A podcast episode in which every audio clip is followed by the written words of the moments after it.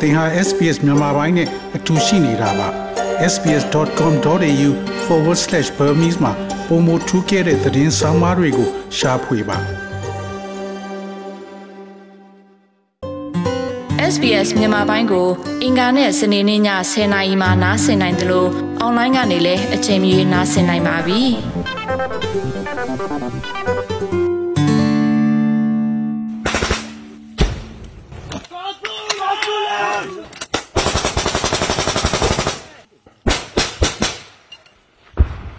စစ်ကောင်စီခေါင်းဆောင်တွေကမဟာတကြံပွဲတော်ကိုစီကားတင်အောင်အသက်သွင်းနေတဲ့အခါတွင်မှာပဲကရင်ပြည်နယ်လေးကစ်ကော်မှာတော့ညအချိန်မတော်တိုက်ပွဲတန်တွေစူညံခဲ့ပါတယ်။ဒေသခံတပ်တွေရှိတဲ့နေရာကိုကျူးကျော်စစ်ကြောင်းထိုးလာတဲ့စစ်ကောင်စီတပ်နဲ့ KNL ပူးပေါင်းတပ်တို့ဟာတကြံအကြနေ့ည7:00နာရီကနေအကြက်နေ့မနက်4:00နာရီဝန်းကျင်အထိတိုက်ပွဲဖြစ်ပွားခဲ့တာပါ။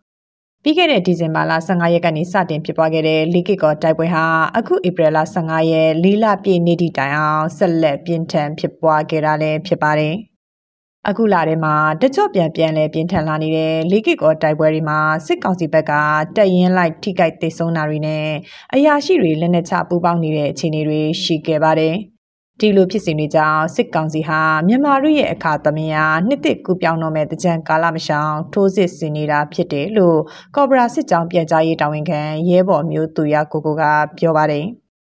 အကြမ်းဖက်စစ်ကောင်စီကလီကိကောဒေတာကိုသူတို့တော်တော်လေးကိုဟိုလိုချင်တယ်သူတို့ရဲ့ကိုသိကအပိုင်းကြီးကလည်းအဲသူတို့တော်တော်လေးကိုကြာဆင်းနေတာပေါ့လေအဲသူတို့စစ်ကြောင်းတစ်ကြောင်းလုံးပြုတ်သွားတဲ့အခြေအနေဒီကျွန်တော်တို့ကဆက်ဆောင်နိုင်ခဲ့တယ်သူတို့ဘက်ကအရာရှိစစ်တယ်တွေကိုလည်းကျွန်တော်တို့ဘက်ကို ပါဝင်လာအောင်လို့ပူပေါင်းလာနိုင်အောင်လို့ကျွန်တော်တို့ကလှုံ့ဆော်နိုင်ခဲ့တယ်ပေါ့အဲဒါကြောင့်သူတို့ဘက်ကနေပြီးတော့အဲဓာတုဘုံတွေဓာတုဘုံတို့ယူဆရတဲ့ဘုံတွေကျွန်တော်တို့ပေါ်ကျဲချတယ်လူနေအိမ်ကြီးအများအများပျက်စီးတယ်နောက်ပြီး cluster စနစ်ပေါ်လေ cluster ဘုံတွေလည်းအဲကျွန်တော်တို့လေးလေးရင်းနေစုစုပေါင်းဆိုရင်22ခေါက်ပြန်တန်းပြီးတော့အဲဒီ Cobra စစ်ကြောင်းကိုချင်းမမှုတဲ့စူးစမ်းခဲ့ကြတာဖြစ်ပါတယ် လေးကစ်ကောအပါဝင် KNU တပ်မဟာ6နယ်မြေတွေကိုစစ်ကောင်စီကလေရင်နဲ့ကင်းထောက်ပြီးစစ်အင်အားတိုးချဲ့နေတာကြောင့်အခုလိုနေ့တိုင်းနှီးပါတိုက်ပွဲတွေဖြစ်ပွားနေတာပါ တိုင်းပြည်ပကတိအခြေအနေကိုအမောင်ချဖို့တော်လန်ရေးကိုမှိမ့်မိန်စေဖို့မြို့ပေါ်တွေမှာပျော်ပွဲရှင်ပွဲတွေနဲ့အတူရောင်တကြံကိုဆင်နွှဲနေတဲ့စစ်ကောင်စီဟာ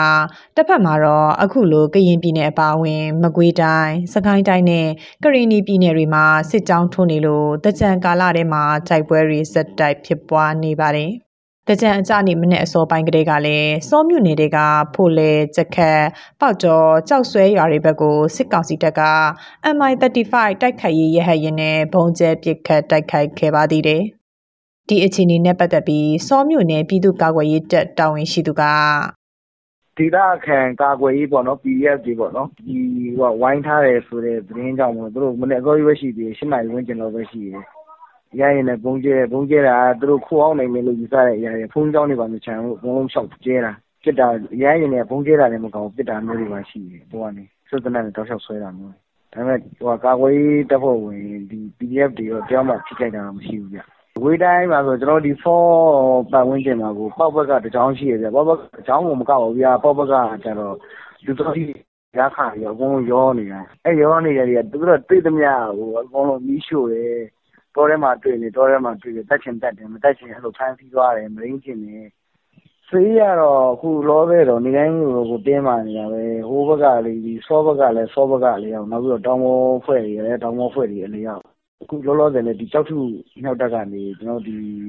လက်တက်နဲ့ကျွန်တော်တို့ဒီစောနေတဲ့လေအဲအနာဘက်ကိုလှမ်းပြီးတော့ပြစ်နေတယ်ဗျ စောမြို့နယ်တရှိရာမကွေးတိုင်းထဲမှာစစ်ကောင်စီတပ်ကတကြံကာလအပါဝင် အခုလအစောပိုင်းကလေးကစစ်ကြောင်းထိုးပြီးရွာတွေကိုမိရှို့တာတွေစက်တိုက်ပြုလုပ်ခဲ့ပါတယ်။ပေါက်စိတ်ဖြူနဲ့ပခုတ်ကူမြို့နယ်တွေကကြေးရွာနေအိမ်တွေကိုစစ်ကောင်စီတပ်တွေကဧပြီလ6ရက်ကနေတကြံအကြိုနေ့ထိစက်တိုက်မိရှို့ခဲ့တာပါ။ဒါကြောင့်ကြေးရွာ15ရွာကနေအိမ်800ကျော်အထိမိလောင်ပျက်စီးခဲ့ရပါတယ်။ ရောဒေတာနဲ့ဆက်ဆက်နေတဲ့မကွေးတိုင်းမြို့နယ်အချို့နဲ့ရောဒေတာပတ်လက်ကချင်းပြည်နယ်ကပလက်မင်းကျက်နဲ့စကိုင်းတိုင်းကလေးမြို့နယ်တွေမှာအင်အားထောင်ချီရှိတဲ့စစ်ကောင်စီတပ်တွေစစ်ရေးလှုပ်ရှားနေလို့အခြေအနေကတင်မာနေပါတယ်။ တကြံကာလမှာတိုက်ပွဲတွေပုံမှန်ထက်ပိုမိုဖြစ်ပွားနေတဲ့အခြေအနေတော်လန်ရေးရဲဘော်တချို့ကြာဆုံးခဲ့တာတွေနဲ့ပြည်သူတချို့ဖမ်းဆီးတပ်ဖြတ်ခံနေရတဲ့အခြေအနေမှာတော်လန်ရေးအင်အားစုတွေနဲ့ဒီမိုကရေစီလိုလားသူပြည်သူတွေကတော့တော်လန်တကြံရေမစော့တပိတ်ကိုညင်ညင်ညာညာဆင်နွှဲနေကြတာပါတကြံကိုမကြုံမှုမပြောဘူးသေးတယ်အသက်3နှစ်ကျော်အရွယ်သမီးငယ်ရဲ့ဖခင်တူကတော့ပျော်ရလည်းအဆင်ပြေအောင်နေလို့ရပါတယ်အဲကိုယ့်ကလေးကိုအဲ့လိုမျိုးပေါ့နော်လေထိုးရေကူးကန်နဲ့ရေရှုကန်နဲ့မှာဆော့လို့ ခိုင်းလို့ရတာပေါ့နော်သူများတွေပြေးနေပုံးနေမတရားအသက်ခံနေရတဲ့အချိန်မှာကိုရီပျော်ရွှင်ပြရင်တော့ဒါလူမဆန်ရကြမှာပေါ့ဒီစစ်ကောင်စီတက်လို့တေတဲ့ကလေးပဲရာချီနေပြီလေအမိဘချင်းကိုချင်းဆိုင်တော့မှဒီချိန်မှာမပျော်ရွှင်သင့်ပါဘူးအာနာသိန်းခံထားရတဲ့မြန်မာနိုင်ငံမှာကမ္ဘာကပ်ရောဂါ COVID-19 ကူးစက်မှုတွေရှိလာတဲ့2020ကစလို့အခုနှစ်အထိတကြံပွဲမစင်နွဲကြရတာ3နှစ်ဆက်တိုက်ရှိခဲ့ပါပြီ။ နိုင်ငံရေးအမျက်ထုတ်လို့မှုနဲ့အခုတကြံကိုစီကားအောင်ကြိုတင်ပြင်ဆင်ခဲ့တဲ့စစ်ကောင်စီရဲ့မြို့ကြီးတွေပေါ်ကရေကစားမတ်တပ်တွေမှာတော့သူတို့ဖိတ်ခေါ်ထားသူတွေနဲ့ရေကစားသူအနေငယ်သာရှိခဲ့ပါတယ်။ရန်ကုန်မန္တလေးနေပြည်တော်မုံရွာစတဲ့မြို့ကြီးတွေပါဝင်မြို့အတော်များများမှာတော့တကြံကာလပြပန်းခတ်ကြိတ်ကြိတ်တိုးစီကားခဲ့တဲ့လမ်းမကြီးတွေပေါ်မှာလူသွားလူလာမရှိဘဲတိတ်ဆိတ်ခြောက်ကပ်နေတဲ့မြင်ကွင်းတွေကိုတွေ့ရပါတယ်။ အာနာသိန်းကာလတစ်နှစ်နဲ့နှစ်လကျော်လာတဲ့အချိန်ထိသွေးမအေးသေးပဲစစ်ကောင်စီကိုအင်နဲ့အားနဲ့တော်လန်ဆက်ကြည့်နေတဲ့ပြည်သူတွေရဲ့ပါဝင်မှုဟာခွန်အားတွေဖြစ်စီတယ်လို့ပြောလာသူကတော့မုံရွာပင်မတပိတ်အဖွဲ့ဝင်မတ်ချောစူဇန်ပါ။ဒီချိန်မှာဒီနိုင်ငံလုံးကပြည်သူတွေကဒီပကြံစွာယူအရန်မမောနေတာဝင်ဒီဒီအတာပကြံစွာပြည်သူတွေအားလုံးမမွန်းနေတဲ့အရာဒီသုံးနှစ်လောက်ရှိပြီပေါ့နော်လုံးဝမပြေပါခဲ့ရအောင်အဲ့တော့နောက်တွေပြီးတာမလို့တော့ပြည်သူတွေပါပါမလားဘာလို့ဆိုပြည်သူတွေဒီချိန်မှာလဲ ဒီပကြံတောင်းတနေကြတော့ပေါ့နော်ဒီစစ်ကောင်စီပကြံနဲ့ပြီးတော့မှလားဆိုရင်စိတ်ရင်ရှိခဲ့တယ်ပေါ့ဒါပေမဲ့ဒီငါတို့တွေမထိမထားတော့အောင်ပဲလူတွေကစစ်ကောင်စီဆက်စီနေကြတယ်ဒီအရင်ကငါတို့ sign up site တွေဖွဲ့ပြီးတော့ကလည်းလူတွေကပါဝင်ကြတယ်ဒီတစ်ခေါက်ပကြံမှာဆိုရင်ငါတို့ sign up site ခေါ်ရတယ်ရှိဒါပေမဲ့ပြည်သူတွေက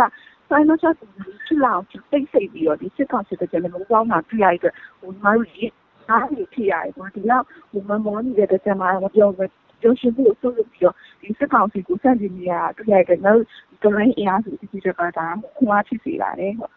တကြံကာလမှာပြည်သူတွေကတော်လန်တကြံအနေနဲ့အပြစ်မထွက်ပဲစန့်ကျင်တော်လှန်နေကြချိန်မှာပဲ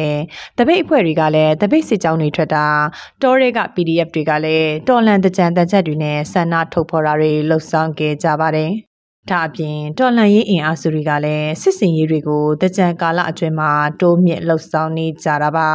။ လုံခြုံရေးတွေတင်ကျက်ထားတဲ့မြို့ပေါ်မှာလည်း UG အဖွဲ့တွေလှုပ်ဆောင်ခဲ့တဲ့စစ်စင်ရေးတွေနဲ့တော်လှန်ရေးတပ်ဖွဲ့တွေရဲ့တိုက်ပွဲတွေကြောင့်စစ်ကောင်စီတပ်ဖွဲ့အများအပြားထိခိုက်သေးဆုံးခဲ့ပါတယ်။စကိုင်းမကွေကရင်ကယားကချင်မွန်စတဲ့ပြည်နယ်နဲ့တိုင်းတွေကမြို့နယ်တချို့မှာ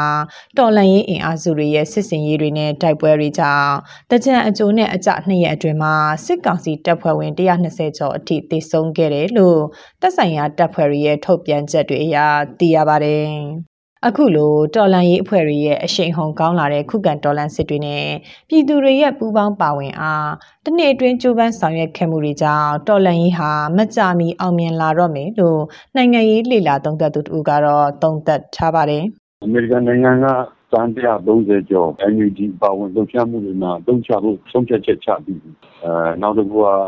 ကျွတ်တော်မှာအခုရောက်နေတဲ့ ဘာမှအဲ့ဒါဥပဒေကလည်းအကြည့်ပြုဖို့အတွက်အသင့်ဖြစ်နေတယ်အဲ့ဒါပြီးလို့ရှိရင်လည်းတစ်နှစ်ကိုတန်း90လောက်အကူကြီးရအောင်မယ်ဆိုတော့ငွေကြီးရလည်းထောက်ပံ့နေအများကြီးရတယ်အဲ့ဒါနဲ့တူခုကပြည်သူတော်လှန်ရေးဖွဲ့စည်းတွေကကျွန်တော်တို့လူမီနဲ့တိုက်နေတာမဟုတ်တော့ဘူး automatic rifle တွေနောက်ပြီးတော့ rocket တွေ launcher တွေနဲ့ပြန်ပြီးတိုက်နေတဲ့အခြေအနေဖြစ်ရောက်ရှိနေတယ်။ဂျန်စနေနေ့နဲ့စနေနေ့လောက်မှာမြို့ပေါ်မှာပေါ်ပေါက်လာတဲ့မြို့ပြတိုက်ပွဲဆန်းခု ဖြစ်ပေါ်လာတဲ့အနေအထားမြို့တော်လိုင်းရေးဟာအရှိန်အဟုန်နဲ့ချီတက်နေတာဆိုတော့ပေါ်ပြနေပါတယ်။အဲတော့ဒီတိုက်ပွဲအဆုံးသတ်ဖို့သိကြတော့ဘူးလို့ညမှန်းစရာရှိပါတယ်တကြံကာလအစောပိုင်းနှစ်ရက်အတွင်းမှာတိုက်ပွဲတွေကြောင့်တော်လန်ရေးရဲဘော်10ဦးဝန်းကျင်ထိကြာဆုံးခဲ့ရပြီးရန်ကုန်မှာလည်းလူငယ်3ဦးဟာစစ်ကောင်စီတပ်ဖွဲ့ဝင်တွေရဲ့ဖမ်းဆီးတပ်ဖြတ်တာခံလိုက်ရပါတယ်။ အာနာသိန်းထားတာ439ရက်မြောက်ရှိလာတဲ့ဧပြီလ15ရက်အထိစစ်ကောင်စီတပ်ဖွဲ့ဝင်တွေတပ်ဖြတ်ခဲ့လို့အပြစ်မဲ့ပြည်သူ1956ဦးကြာဆုံးခဲ့ရတယ်လို့နိုင်ငံရေးအကျဉ်းသားများကူညီဆောင်ရှောက်ရေးအသင်း AABB ကဖော်ပြထားပါတယ်။ စစ်ကောင်စီတပ်တွေရဲ့မတရားဖိနှိပ်ဖမ်းဆီးတပ်ဖြတ်တာတွေကိုနှိမ့်စင်ကြုံတွေ့နေရတာမို့တော်လှန်ရေးအမြန်ဆုံးအောင်မြင်ပြီးဆုံးအောင်ပြည်သူတွေအနေနဲ့အခုတကြံကာလစီးလုံးညီညွတ်မှုလိုပဲဆက်ပြီးအားကောင်းကောင်းနဲ့ပါဝင်ပေးဖို့ကိုတော်လှန်ရေးအင်အားစုတွေကဆန္ဒရှိကြပါတယ်စစ်အာဏာရှင်စန့်ကျင်ရေးရန်ကုန်အင်အားစုဦးဆောင်သူကိုနန်းလင်းကကျွန်တော်တို့အတွက်ဒီတကြံဟာဟိုပျော်စစရာဘလို့မှလည်းပျော်စရာလည်းကောင်းမနေဘူးပျော်ရမယ့်ကြံရမဟုတ်ဘူးကျွန်တော်တို့တွေဟာ ဒေါ်လာမှုနီးနာပုံပုံနဲ့ကျွန်တော်တို့အဲမျှော်မှန်းထားတဲ့ကျွန်တော်တို့ရဲ့အနာဂတ်တွေအဲပို့ပြီးတော့ကောင်းနိုင်ဖို့အတွက်ကျွန်တော်တို့ဒေါ်လာတိုက်ပွဲဝင်နေရင်းနဲ့ဖြတ်တန်းမယ်တခြားကျွန်တော်တို့နိုင်ကြတယ်အဲကျွန်တော်တို့သိတဲ့မူထားတဲ့အကြောင်းကျွန်တော်ပြောချင်တယ်ဒါပေမဲ့အခုချိန်တော့မဟုတ်ဘူးအခုချိန်တော့မဟုတ်ဘူးကျွန်တော်တို့တွေအားလုံးဟိုကြပြဆက်ဆက်ဆောက်ဆက်ပြောရင်တော့ကျွန်တော်တို့ခစ်လွတ်လပ်တဲ့အချိန်ကျွန်တော်တို့ရဲ့ကောင်းကင်ကြီးကတကယ်ကိုလွတ်လပ်နေကျွန်တော်တို့မောကြီးခွင့်ရတဲ့အချိန်တော့ကျွန်တော်တို့အားလုံးရဲ့စိတ်ဒီမှာဟိုတကယ်ငါတို့တကြံပြောရမယ်တကြံလို့ယုံကြည်တဲ့တော့ကျွန်တော်တို့ရဲ့ဖြတ်တန်းတဲ့တကြံကိုအရှင်တိုင်းကျွန်တော်တို့ဖြတ်တန်းတယ် အသက်တွေကတော့ကြီးကုန်မဲ့အခြေအနေလည်းပြောင်းလာနေရှိမယ်။နောက်လူလူတွေကျွန်တော်တို့ရဲ့ပေါင်းသိရောင်းနေစုံချင်းမှလည်းစုံနိုင်မှာပေါ့။ဒါပေမဲ့ကျွန်တော်ဟိုယုံကြည်ပါတယ်ကျွန်တော်တို့အတွက်တကယ်ကိုအစိုးရကြီးပဲအမြဲတမ်းရှိမှာမဟုတ်ဘူး။ကျွန်တော်တို့အတွက်အဲဟိုကောင်းအကောင်းတွေကလည်းကျွန်တော်တို့ရဲ့ရုံးကန်တော်လှန်မှုတွေနဲ့ကနေတစ်ဆင့်ရလာနိုင်မယ်လို့ကျွန်တော်ယုံကြည်ထားပါတယ်။တကြံဆိုတာပြည်သူတွေအတွက်တော့တနစ်တာလုံးပြင်ပန်းခဲ့သမျှကိုအတာရည်နဲ့စေးကြောတန့်စင်ပျော်ရွှင်ကြကုသိုလ်ကောင်းမှုတွေပြုကြတဲ့အခါသမယရိုးရာနှစ်တကူပွဲတော်ပါ ဒါပေမဲ့အာနာသိမ့်မှုကြောင့်နှစ်နှစ်ဆက်တိုက်ကြုံရတဲ့မဟာတကြံကိုပေဒီယာပေါ်မှာစီးတဲ့သွေးကိုတကြံရည်နဲ့မစည်းကြောဆိုတဲ့အတိုင်းတိတ်ဆိတ်စွာနဲ့ပြည်သူတွေဖြတ်တန်းပုံကဒီနှစ်မှလည်းအော်ချစရာကောင်းလာပါတယ်အပျော်တကြံတူညင်းဆန်တော်လန်တကြံပြည်သူအတန်ဆိုတဲ့စာမုံနဲ့အတူတကြံကာလကိုဖျက်ဆီးနေတဲ့ပြည်သူတွေရဲ့နှစ်သက်ကိုဆူတောင်းကတော့စစ်အာဏာရှင်စနစ်အမြင့်ပြတ်ရေးတာဖြစ်လို့နေပါတယ် ဒီသတင်းဆောင်မကိုတန်လွင်ခက်ကပေးပို့ထားတာဖြစ်ပါတယ် sbs.com.au/bemis ကို home နေရာမှာထားပြီးတော့အမြဲတမ်းနားဆင်နိုင်ပါတယ်။နောက်ဆုံးရသတင်းတွေ၊စောင်းမားတွေနဲ့စစ်တမ်းတွေမှာပါဝင်ပြီးတော့ဆက်သွယ်မှုလုပ်နိုင်ပါတယ်။ sbs.com.au/bemis ဖြစ်ပါတယ်ရှင်။